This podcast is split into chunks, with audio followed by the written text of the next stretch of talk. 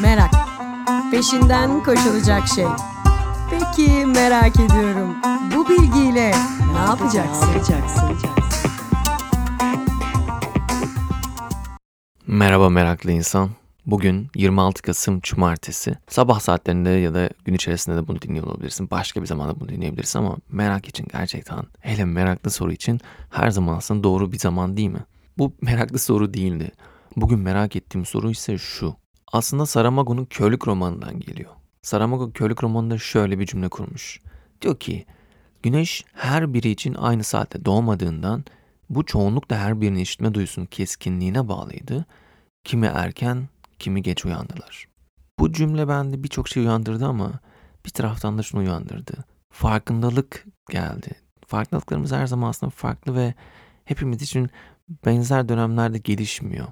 Öğrenme süreçlerinde de bu böyle. O yüzden meraklı sorum dönüştü. Kendine şöyle bir sorar mısın? Bu hafta hangi farkındalıklara uyandım? Uyandığımda gün içerisinde hangi yeni, daha önce görmediğim, fark etmediğim bazı noktaları yeniden görmeye başladım, anlamaya başladım.